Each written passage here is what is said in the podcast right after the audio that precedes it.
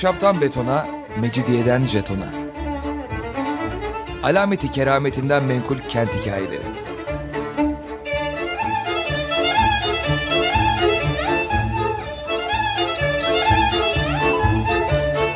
Hazırlayan ve sunan Pınar Erkan.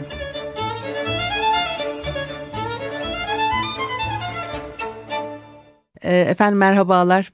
Bir haftalık aradan sonra yine birlikteyiz. 94.9 frekanslı açık radyoda ahşaptan betona, mecidiyeden jetona tam şu anda başlamış bulunmakta. Anlatıcınız ben Pınar Erkan. Elektronik posta adresim pinarerkan.yahoo.co.uk Bugün e, programımızda ne var?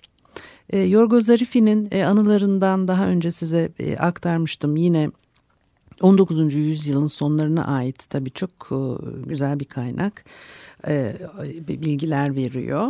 E, Yassıada Sivriada ile ilgili anlattıklarını size aktarmak istiyorum. Plati ve Oksiya. Şimdi Lord Bulwer Lytton'dan söz ediyor. Lord Bulwer Lytton bir İngiliz yazar. Pompei'nin son e, günleri ne yazdı zannediyorum. Ayrıca Balta Limanı Anlaşması'nı da işte e, mimarı kabul ediliyor. İngiltere'nin İstanbul'daki o dönemde e, büyükelçisi. Bir e, tabii ilişkiler ağı ortaya çıkıyor. Böyle olunca görevden alındığı zaman e, evindeki eşyaları da tasfiye edilmiş, satılmış e, Zarifi ailesi oradan kendi evine e, bir takım eşyalar almış. E, yeşil kadifeyle döşenmiş siyah ahşap mobilyalarla doluymuş evi. O e, erken Viktoryen dönemine ait iki koltuk, oymalı e, yuvarlak masa e, salonda diyor dikkat çekiyoruz diyor. Kendi evi tabii yeşil kadifeyle döşenmiş siyah ahşap mobilyalar. Şimdi asıl e, tabii e, plati oksiyayı anlatacağım dedim ama bir taraftan da burada lambalarla da ilgili enteresan şeyler e, aktarıyor. Onları da minicik bir araya sıkıştırmış olayım. Anneyle e, babaanne vakit geçirmek için işte sohbet ederken bir taraftan da lint yapıyorlarmış. O lint dediği şey yara pansuman için kullanılan iplik tiftiği.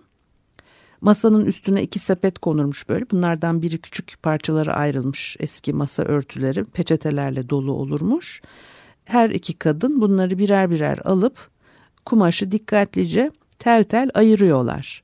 Elde ettikleri iplikler ikinci sepeti dolduruluyor. Antiseptik yok o dönemlerde. Pamuk, sterilize edilmiş gazlı bez kullanılamıyor. Dolayısıyla böyle tiftik tiftik olmuş iplikleri hastanelere gönderiyorlar lint ile bütün yaralar sarılıyor veya pansuman e, yapılıyor. Böyle de işte arada sıkıştırılmış bir enteresan da bilgi var. Şimdi Lord Bulwer Lytton İngiltere'nin işte poli büyükelçisi olarak çok uzun yıllar görev yapıyor. Kıbrıs'ın İngilizler tarafından işgal edilmesine de o neden olmuş. Anadolu'yu çok sevmiş yaş haddini doldurunca şehirden ayrılmaya hiç e, niyet etmiyor. Marmara'daki adalardan birini alıyor. E, Piringiponisa yani e, Marmara Denizi'ndeki dokuz ada bunlardan en büyükleri dört tane onlar da zaten ikamet ediliyor, yaşanıyor. Daha küçük olan beşi ıssızdır ve buraları sadece bazen balıkçılar sığınırlar diyor e, Yorgo Zarifi. İki ada Plati ve Oksiya yani Yassıada ve Sivriada özel bir küme oluşturur. Zira gözden ıraktırlar. Plati dar ve düz, Oksiya ise koni şeklindeki bir tepeyle yuvarlak. Plati'yi satın alıyor Lord Balver Lytton. Kuyular kazıyor, su buluyor, e, iki şato inşa ettiriyor burada. Şatolardan biri adanın tepesinde, diğeri denize yakın. İkincisinin önüne bir iskele bir rıhtım yaptırıyor. Bir liman yaptırıyor aslında. Binaların dış görünüşü kale gibi. E, Plati'ye e, vardığında Plati e, Yassıada ortaçağ kaşhaneleri gördüğünüzü zannederdiniz diyor. E, Yorgo Zarifi demek o kadar e, görkemliymiş. Soylu Lord bu ortamda yıllarca e, yaşadı pek çok kitap yazdı. 1880'lerden sonra tabii bütün tasarrufunu tüketmiş ve adayı içindeki her şeyle birlikte e, o e, saraylarda dahil olmak üzere satmak zorunda kalıyor. Mısırlı İbra İsmail Paşa alıyor. Satın alıyor burasını. E, bir başka düşüncesiz ve müsrif kişi diye nitelendirmiş. E, sadece ve sadece Lord'u iflastan kurtarmak için satın almış Plati'yi. Hıdiv İsmail Paşa ayak bile basmamış buraya. İki Rum bekçi binaları koruyor. Bir başka aile orada küçük bir bostan işletiyor o yıllarda. Ee, diyor ki babam deniz gezintilerini çok severdi. Çocukluğumuzda bir sefer bizi büyük bir kayıkla Plati'ye götürdü. Daha sonra bir buharlı tekneyle oraya tekrar gittik. Adanın manzarası çok güzel. Tarihi kalelerini e, keşfetmek son derece eğlenceli. Tüm mobilyalar satılmamış. İçleri hala birileri sanki oturuyormuş gibi görünüyor. Ee, kütüphaneleri çok enteresanmış. Göstermelik kütüphanelermiş bunlar. Salonların çıplak duvarlarını süslemek için Hıdiv İsmail Paşa sahte kitaplarla dolu sahte raflar koydurmuş duvarlara. Ee, sahte çünkü raf yerine sadece duvara çivilenmiş ahşaptan ince çıtalar, kitap yerine sadece kitapların sırtları var. Bu sırtlara en inanılmaz kitap isimleri basılmış. Mesela bir toplu iğnenin hikayesi 8 cilt veya bir farenin anıları 14 cilt bir farenin anıları gibi. 1894 yılında e, büyük bir deprem oldu biliyorsunuz o meşhur İstanbul depremi. O depremde bu binalar e, oturulamayacak hale gelmiş. Hadi İsmail Paşa da e, bunlara bakamaz olmuş. Ve zaman içerisinde tabii bu kadar bakımsız e, kalınınca daha da mahvolmuşlar. Yıkıntıdan başka hiçbir şey kalmadı bugün diyor. Bugün dediği de yani bu yüzyılın başları. E, baş diğer ada o Oksiya'ya oraya da gidiyorlar. E, biz orada diyor tamamen farklı bir eğlence e, beklerdi. Oksiya'nın ne suyu var ne oturanı. Ada martıların sığınağı olup çıkmış. Her mağarası bir de yuva e, gizliyor. Kayalara tırmanmak, martıların yumurtalarını keşfetmek büyük bir eğlence. 1910 e, yılında e, yanlarında misafir, yabancı misafirleriyle beraber bu iki adaya gidiyorlar. Oksiya'ya yaklaştıklarını bakmışlar bir de ne görsünler. Çaresiz bir deri bir kemik kalmış.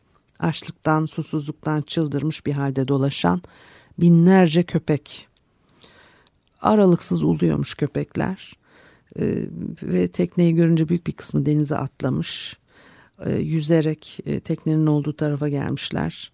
Ve tabii yardım umarak o tekneye çıkmaya çalışıyorlar.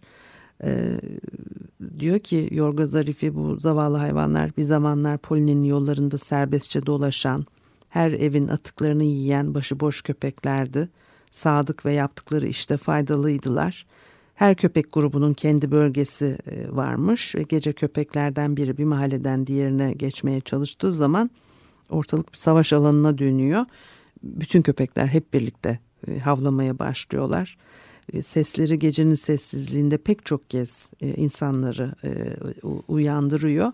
Bir taraftan da bu hayvanlara şükrediyorlarmış çünkü Şehramati'nin başka birimi olmaması nedeniyle kaldırımlara yığılan çöpleri ortadan kaldırmayı işini üstlenmişler adeta. Gecenin karanlığında eve dönülen zamanlarda tabii köpekler yine bir tehlike oluşturuyor. Ee, her adımında koskocaman bir köpek ailesine ayağın takılıp tökezliyor. Bunun sonucunda da yere düşerek bir tarafını incitme tehlikesiyle karşı karşıya kalıyordun diyor. Ee, ve ondan sonra da tabii e, işte bu çirkinliği düzeltmeyi Jön Türkler üstlendiler demiş. En pratik ve en insancıl çözüm e, bu köpeklerin hemen e, öldürülmeleri olacaktı. Fakat e, Türkler dini inançları gereği yemeyecekleri hayvanları öldürmüyorlardı diyor Zorgo Zorgo Yarifi, Yorgo Zarifi. Türk halkının tepkisine yol açmadan bu binlerce köpek nasıl ortadan kaldırılacak? yetkili makamlar Oksiya'nın köpeklerin inziva yerine yani köpek çiftliğine e, dönüştürüleceğini açıklamış. Her gece şehremaneti çalışanları demir kancalarla ortalıkta dolaşan e, köpekleri yakalıyorlar e, ve poliyi bir ay gibi kısa bir sürede bütün köpeklerden tamamen arındırmışlar. E, gazetelerde bu arada yazılar çıkıyor. Oksiya bir köpek cenneti. İşte düzenli olarak köpeklere yiyecek su gönderiliyor filan diye.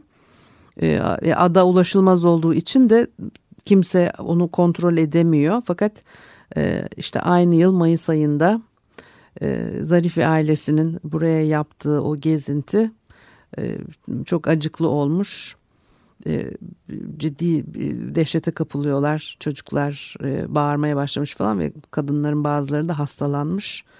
E, annesi demiş ki e, bu durum Dante'nin cehennemini hatırlatıyor. Ve kaptana diyorlar geri dönelim. Tabii o o gezintiye çıkanların hiçbiri uyuyamamış o gece. Birkaç gün sonra yabancı basında Oksiya e, günahını yazmaya başlamış. Demek ki onlar haber verdiler. Evet Tabii çok yazık. Peki e, bir müzik arası verelim ondan sonra devam edelim.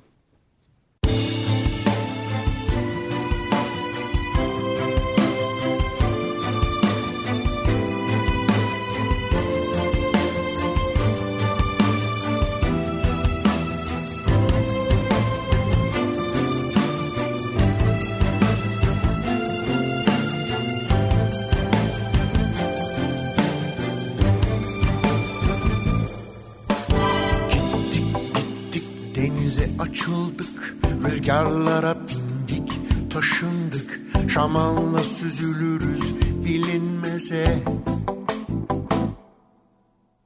Kaptanımız yaşlı ve usta Güneş kızgın tepemizde.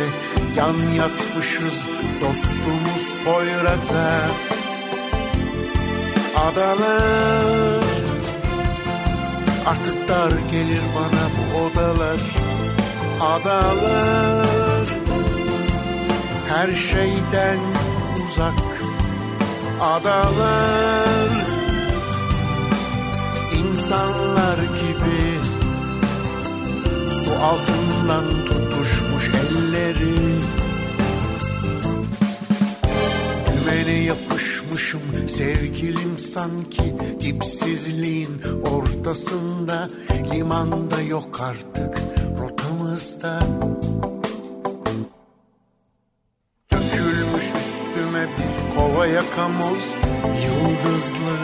hem yaldızlı Ay ışıklı bir öyküde başroldeyiz.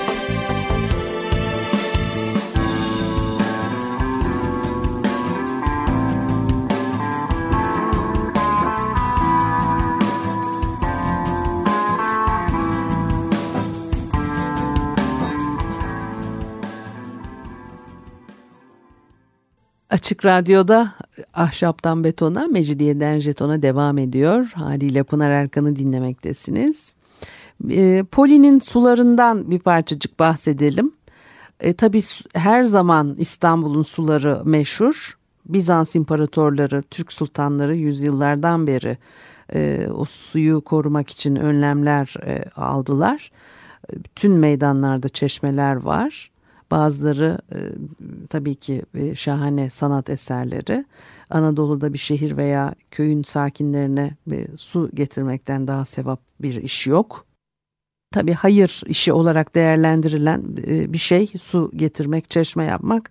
E, belli ki bu Atina'da da böyle çünkü orada karşılaştırmalar yapıyor Yorgo Zarifi e, bu çeşme yapılıyor. Ondan sonra da işte tabii Osmanlı İstanbul çeşmelerinden söz ederken de üstlerine güzel bir levha, şiirsel bir üslupla anılan e, kurucunun ismi öz, ölümsüzleştiriliyor. İnsanlar kovalarıyla su almaya gittiklerinde hayırla sahibini e, e, anıyorlar. Ve pek çok ev özel kuyu ve sarnıçlar sayesinde e, bir dereceye kadar kendi kendine yetebiliyor. Fakat kendi suyuna sahip olmayanlar evlere suyu sırtlarında kırbalarla taşıyan sakalardan su alıyorlar.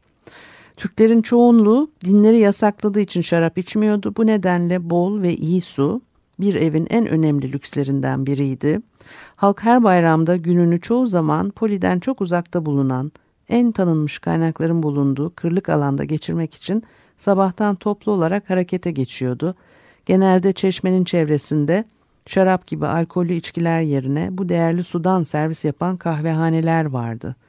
Eski Türkler suya o kadar meraklıydılar ki onlara bir bardak iyi su verdiğin zaman sana hemen kaynağın yerini söyleyebilirlerdi.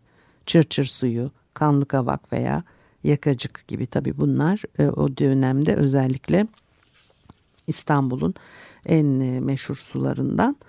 E, büyük konakların su ihtiyaçlarını umumi çeşmelerden veya sakalar aracılığıyla e, karşılamaları çok da olanaklı görünmüyor. Kendi su kaynaklarına sahip olmaları gerek. İşte onun için de o kuyuları açıyorlar. E, Boğaz'da her sarayın, her konağın, her yalının kendi kaynağı var.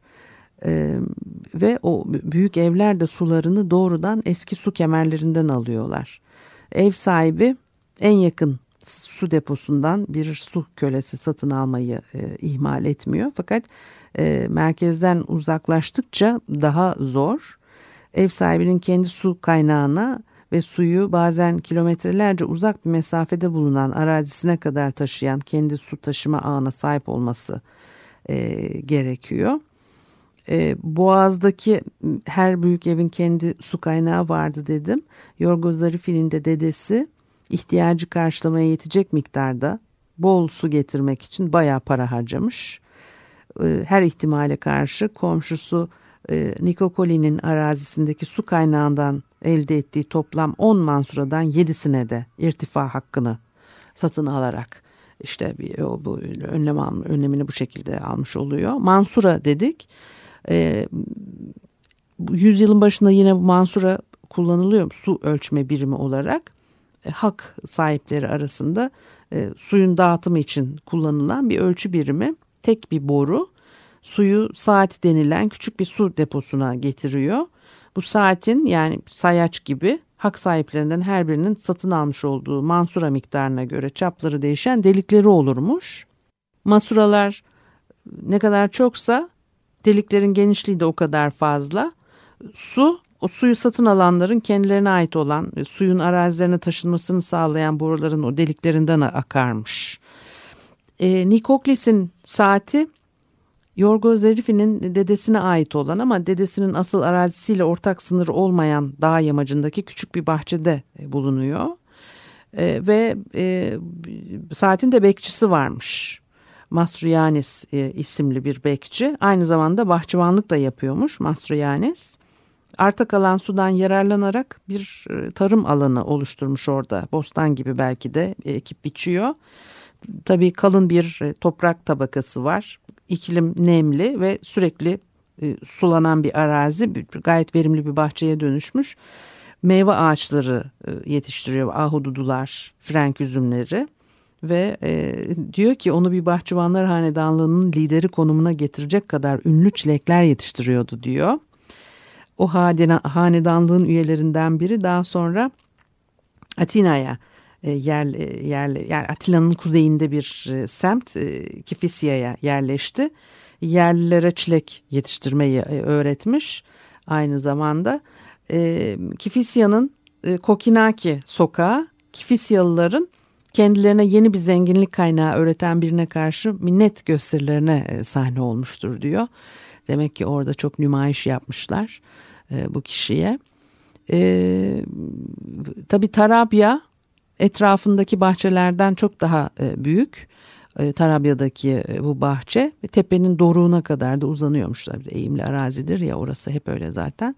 Boğaz tepelerinin e, tabii Atina'daki tepelerle hiçbir benzerliği yok ama diyor en son noktaya kadar e, sık ormanlar bu tepeleri kaplıyor. Evimizden birkaç kilometre ötede karaca ve sülün e, avlanırdı diyor. E, bu ağaçların varlığıyla toprağı tutmuş ya ağaçlar kaybolsa bile o e, kalın toprak tabakası e, duruyor. E, büyük bir yayla var tepelerin üzerinde. E, yumuşak çimenlerin üstünde yürüyebiliyorsunuz ve oralar çok e, küçük küçük çiçekler e, sanki uzaktan baktığınız zaman bir suni bahçe oluşturulmuş gibi görünürdü diye işte Boğaz'ın e, Tarabya yamaçlarındaki görüntünün güzelliğini anlatıyor. Babaannem güzel manzaralı ve asırlık meşe ağaçlarının gölgelediği dağın bir köşesinde banklarda küçük bir meydan oluşturmuştu. Bu etkileyici yerde sabah saatlerinde oturur ve refakatçi kadının kendisine okuduğu günün haberlerini e, dinlerdi. Evdeki çocukların seslerini her işittiğinde babaannem bahçe yönüne doğru bir bakış atardı diye işte anlatıyor. E, tabii o dönemlerde de bir piyasaya çıkılan e, yürüyüş e, yürüyüş güzergahlarından e, bir yabancı geldiği zaman da o dönemde İstanbul'a Boğaz'ın yüksek yerlerinin e, tanınmasının eski Bizans eserlerinin tanınması kadar önemli olduğunu düşünürlermiş. E, ve bu bölgeyi işte bir patikalarla birbirine bağlıyor yollar. Eski yıllarda belki de araba yoluydu diyor. Çünkü börtlen fındık ağaçları neredeyse yolu tamamen kaplamış olmasına karşın yolun birçok kıvrımında rastladığın aynı büyüklükte dikdörtgen taşlar Roma tarzının mucizevi güzelliğini yansıtıyordu diyor. Belki de vardı buralarda da bir, bir sur duvarları veya işte kim bilir manastırlar mı vardı bir şey vardı belki. E ve tabii Poliller her yazlık arazi için bağ kelimesini kullanıyorlarmış. E, Marmara sahilleri uçsuz bucaksız bağlarla kaplıydı. E, Filoksera tüm bağ küçüklerini devirmiş olmasına rağmen yerli halk bugün bile tüm arazilere bağ demeye devam eder diyor. Yine 20. yüzyılın başı için tabii geçerli olan bir şey bu. Filoksera dediği de o dönemde İstanbul'daki bağları kırıp e, geçiren bir işte asma hastalık yani o üzümlerin yetişmesini bozuyor. E, o kadar her yer bağla bahçeyle kaplı ki işte sadece Boğaz yamaçlarında değil bakıyorsunuz bugün artık şehrin göbeğinde olan özellikle Anadolu yakasında onu da daha önce muhakkak anlatmışımdır. Söğütlü Çeşme bağları, Fener bağları ki tabii e, Mahmut Muhtar Paşa'nın bağlarından konuşmuştuk daha önce. Dolayısıyla bugün artık şehrin göbeğinde olan yerlerde eskiden bağlık, bahçelik ve oralarda yetişen üzümlerden şarap yapılıyor. E, işte Perapalasa gidiyor o şaraplar filan. Şurada araya bir küçücük sudan bahsettik ya bir hikaye sıkıştırayım. Ee, Kanuni Sultan Süleyman döneminde Mimar Sinan tabii o çeşmeleri çeşmeleri yapıyor. Bir, ciddi bir, çok büyük bir e, hani mühendislik e, dehasıyla o e, suyu şehre getiriyor. E, ve evlere kadar işte burada Masura'dan bahsediyor ya bu şekilde e, saraya şehrin göbeğine su gelmesini e, sağlıyor. Tabii e, o dönemde e, her evinde e, bahçesine doğrudan su bağlamak mümkün değil. Muhtemelen sarayda vardı bu. Belki üst düzey yöneticilerin de e, evlerine konaklarına gidiyordu. Her neyse e, bir ödül olarak bir ayrıcalık olarak bu kadar emeğine karşılık bu kadar büyük bir e, mühendislik e, başarısına karşılık Mimar Sinan'ın da evine su getirmesine izin veriliyor veya bunu yapması söyleniyor. Hani bir dolayısıyla o da o bağlantıları kuruyor ve Mimar Sinan'ın evine doğrudan su geliyor kemerlerden gel zaman git zaman Mimar Sinan'ın da e, arada bir e, kanuniyle o dönemde hükümdarla itiştiği bilinir. Gözden düşüyor. Bir yaşlanmış artık falan ve e, arkasından e, dedikodu yapıyorlar, konuşma yapıyorlar. Evindeki suyun sürekli boşa boşuna aktığını ve hani nereden geliyor bu evine kadar su gelmiş ve boşu boşuna da o sular akıyor filan diye. E, Mimar Sinan'ın e, kadar acıklı bir şey değil mi? Koskoca e, Mimar Sinan şehre su getirmiş. Ondan sonra evine akıtılan su niye e, evinde su akıtılıyor diye halk tarafından böyle bir konuşma konusu haline geliyor. Peki bu haftalıkta bu kadar olsun. Haftaya görüşene kadar hoşçakalınız.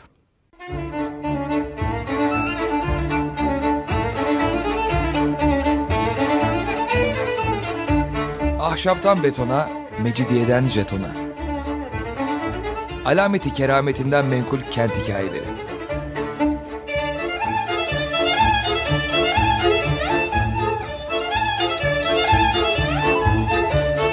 Hazırlayan ve sunan Pınar Erkan.